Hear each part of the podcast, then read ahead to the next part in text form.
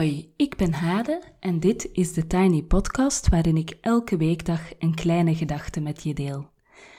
Vandaag is het donderdag 29 oktober 2020 en de kleine gedachte gaat over het belang van creativiteit. Um, op dit moment heb ik een cursus lopen, die heet de Vrijdagvrouwen, omdat we tien meetings hebben op vrijdag. Um, en dat is eigenlijk een cursus waarbij een groepje van acht vrouwen samen met mij elke week um, een thema aanpakt rond uh, de interne en de externe dingen, dus de dingen binnen onszelf, maar ook de dingen in de buitenwereld, die ons uh, in de weg zitten om onze plannen of onze dromen te realiseren. Um, in die cursus zitten allerlei opdrachten, creatieve opdrachten, denkopdrachten, schrijfopdrachten. Uh, ook bijvoorbeeld kleine testjes uh, zitten erin. Um, en elke vrijdag hebben we een meeting van anderhalf uur, uh, waarin we ook met elkaar delen. Um, en het mooie is dat daar ook een heel fijne, hechte groep ontstaat. Deze cursus gaat nog een keer door. Um, ik denk vanaf februari en dan wordt het de woensdagvrouwen. Dus dan zijn de meetings op woensdagochtend van half tien tot elf. En als je wil deelnemen aan de woensdagvrouwen, mag je mij een mailtje sturen voor meer info. En dat mag je doen naar de tinypodcast.gmail.com. En ik mag dadelijk een verhaal voorlezen van een van de dames die heeft deelgenomen aan de, of die deelneemt op dit moment aan de Vrijdagvrouwen. Um, en in die cursus zat een schrijfopdracht om zelf een verhaal te maken. En uh, zij stuurde, of zij las eigenlijk voor de groep dit verhaal voor. En zij gaf mij toestemming, dankjewel Barbara, om dit verhaal ook mee te nemen uh, in de podcast, om jullie ook te inspireren. Ik mag het uh, voorlezen. Dit is een verhaal over hoe de Artist Way me heeft geleid en mijn pad heeft beïnvloed de afgelopen jaren. Al van kinds af aan was ik creatief. Naast lezen was knutselen en dingen bedenken mijn favoriete bezigheid. Uren kon ik ermee zoet zijn. De lessen op de tekenschool waren een wekelijkse afspraak waar ik naar uitkeek. Tekenen, boetseren, papier-maché, graveren. Ik ontdekte er zoveel. Naarmate ik ouder werd, verdween het wat naar de achtergrond en ook de tekenschool stopte toen ik twaalf jaar was. Maar het creatieve vuur was nooit weg. Zo deed ik nog een fotografiekamp, schreef ik veel, knutselde ik nog steeds graag cadeautjes voor mijn vriendinnen en liefjes en ga zo maar door. Later herontdekte ik de naaimachine waar mijn mama me aan had leren naaien als kind, naar het voorbeeld van mijn oma die naaister was. En in het naaien vond ik een echte passie en ik leerde het mezelf gaandeweg steeds beter. Ik was best trots op al wat ik maakte, maar het duurde lang voor ik dat ook aan de buitenwereld echt durfde tonen. Als kind kreeg ik toch vaak eerder de boodschap dat zoiets bestempeld zou worden als stoeven. Ik vertaal het even voor de Nederlanders, opscheppen. En als er iets was dat je als Kempische dorpeling niet moest doen, was het wel dat. Of dat gold dan toch zo in mijn omgeving, zo leek het. Toch kriebelde het om deel uit te maken van iets groters, om me via die passie te verbinden met anderen. Dus op een gegeven moment, meer bepaald in november uh, eh, 2015, trok ik mijn stoute schoenen aan en startte ik een blog waarop ik schrijfsels en stilaan ook steeds meer naaisels deelde. Ik voelde me gezien en was deel van een groter geheel. Ik voelde me verbonden met anderen die ik niet kende, maar met wie ik wel een passie deelde. Een half jaar later echter verhuisde ik met mijn gezin naar het buitenland. Goed voorbereid waren we niet, want wat we bijvoorbeeld niet echt goed wisten, was hoe duur de kosten voor kinderopvang daar waren tot wanneer de kinderen vijf zijn en naar school kunnen. Alles voor die leeftijd was betalend en duur ook. Zelfs met het goede loon van mijn man bleek het toch moeilijk en waren ze in de praktijk veel thuis. Mijn jongste dochtertje bijna altijd. Van tijd voor creativiteit was weinig sprake, al deed ik er wel erg mijn best voor. Stilaan begon mijn innerlijke vuur te doven. Ik voelde me steeds meer herleid tot enkel mama en huisvrouw. Hoewel de rol van mama voor mij de belangrijkste van mijn leven was, was het ook de meest uitputtende. Ik voelde me vaak mentaal helemaal leeg. Ik naaide en blogde nog wel, zei het minder frequent en telkens voelde ik me even opleven. Maar toch leek het vooral alsof het vlammetje hoe langer, hoe kleiner en fragieler werd. Na een dik jaar werd ik door een andere mama overhaald om mee te gaan naar een dagje yoga, een spring retreat. Ik heb weinig concrete herinneringen aan die dag, alleen weet ik nog heel goed dat ik overspoeld werd door emoties.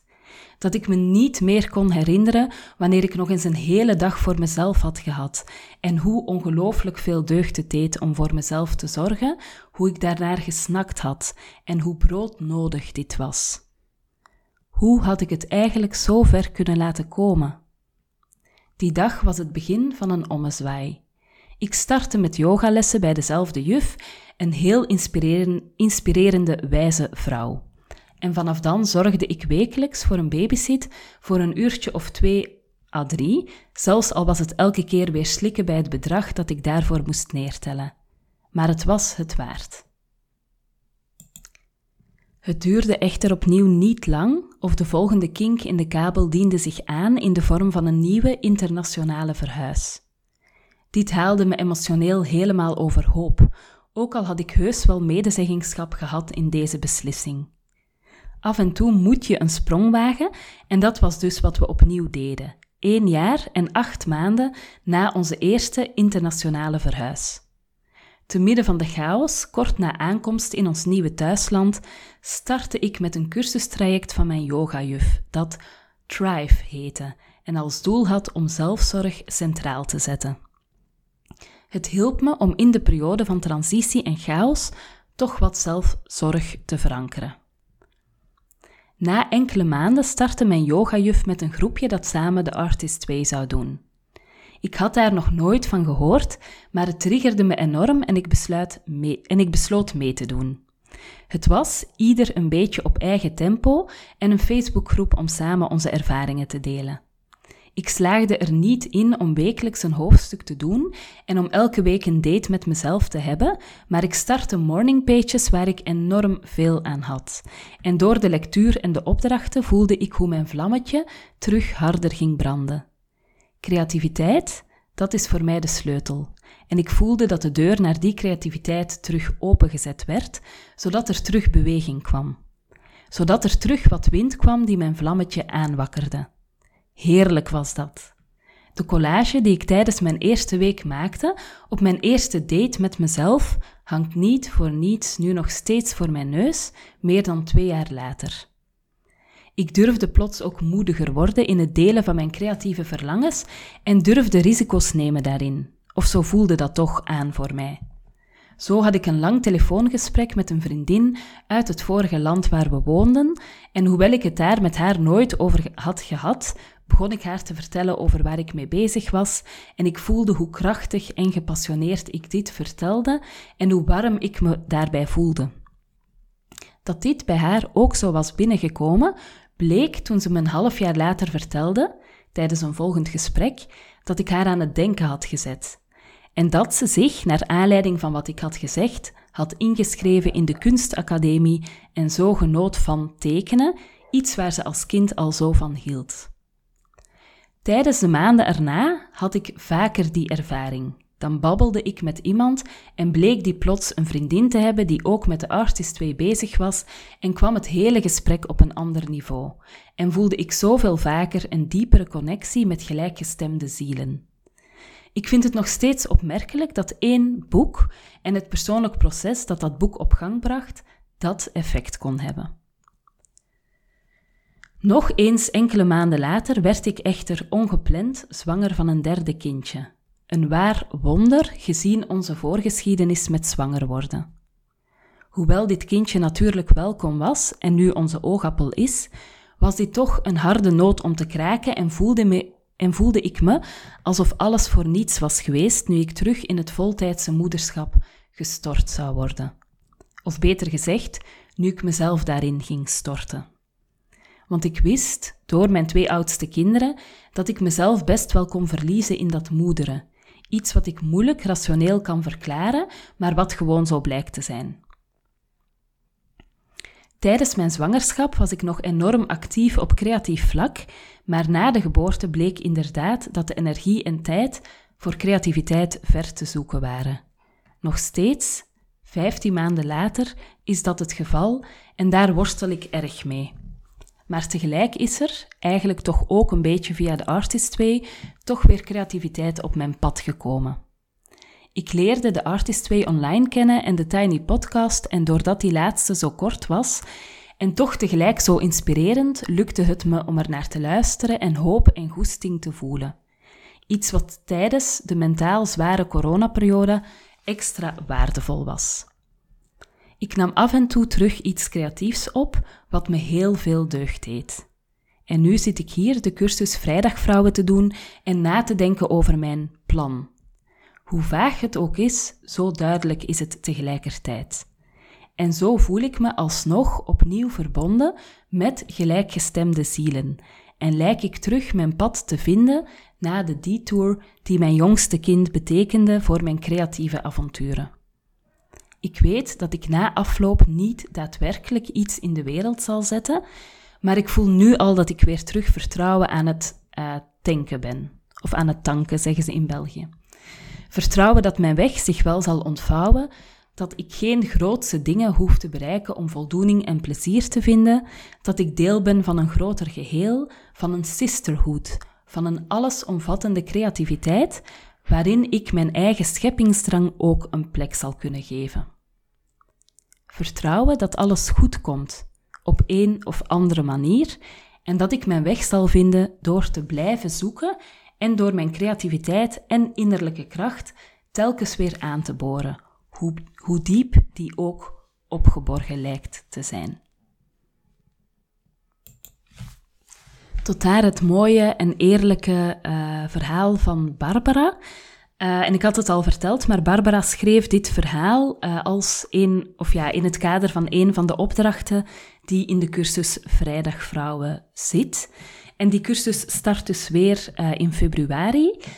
dus als je daar graag meer over wil weten, dan mag je contact opnemen via de tinypodcast.gmail.com.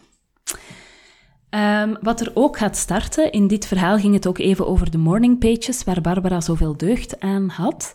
In november kan je starten met de cursus 30 Days of Morning Pages, uh, waarbij je eigenlijk uh, eh, 30 lessen krijgt uh, en aan de hand van die 30 lessen een eigen schrijfpraktijk ontwikkelt. Um, en bij die cursus hoort ook een kaartenset met 30 uitnodigingen om te schrijven. En dat kan je je voorstellen bijvoorbeeld als um, een opdracht of een confronterende vraag. Um, en die set krijg je dan thuisgestuurd en die gaat jou echt helpen nu, uh, zeg maar, de komende tijd of ook in de toekomst, als je wil schrijven, intuïtief wil schrijven, om ook op momenten dat je misschien minder inspiratie hebt of niet goed weet waar te beginnen, om dan ook um, ja, ergens te starten met zo'n schrijfuitnodiging. En dan, last but not least, um, op 3 november, dat is dinsdag, starten we met de cursus um, Vrouwenverdriet. En we, dat zijn Tamara Leenaerts en ik. Um, en dat is eigenlijk een cursus waarin we het niet erkende verlies en verdriet van vrouwen, um, ja, eigenlijk een plek willen geven. Um, en het idee is dat die cursus, dat je elke week een opdracht doet. Bijvoorbeeld de eerste opdracht is biografisch, de tweede heeft met het lichaam te maken. Er is ook een opdracht rond kunst, bijvoorbeeld. En dat je eigenlijk vijf weken lang door die opdrachten en online meetings met een klein groepje, met andere vrouwen en onder onze leiding, dat je daardoor um, niet erkend verlies en verdriet uit jouw leven een plekje kan geven. En als je nog wil inschrijven, dan kan je met de code vrouw um, 20% korting krijgen. En uh, ik zet alle linkjes even in de show notes. Voilà. Tot zover de Tiny Podcast voor vandaag. Je kan me volgen op Instagram, TheTinyPodcast. Je helpt me door deze podcast wat sterretjes te geven op iTunes. een review achter te laten en of hem door te sturen aan iemand anders die er misschien ook graag naar luistert. Dankjewel en tot morgen.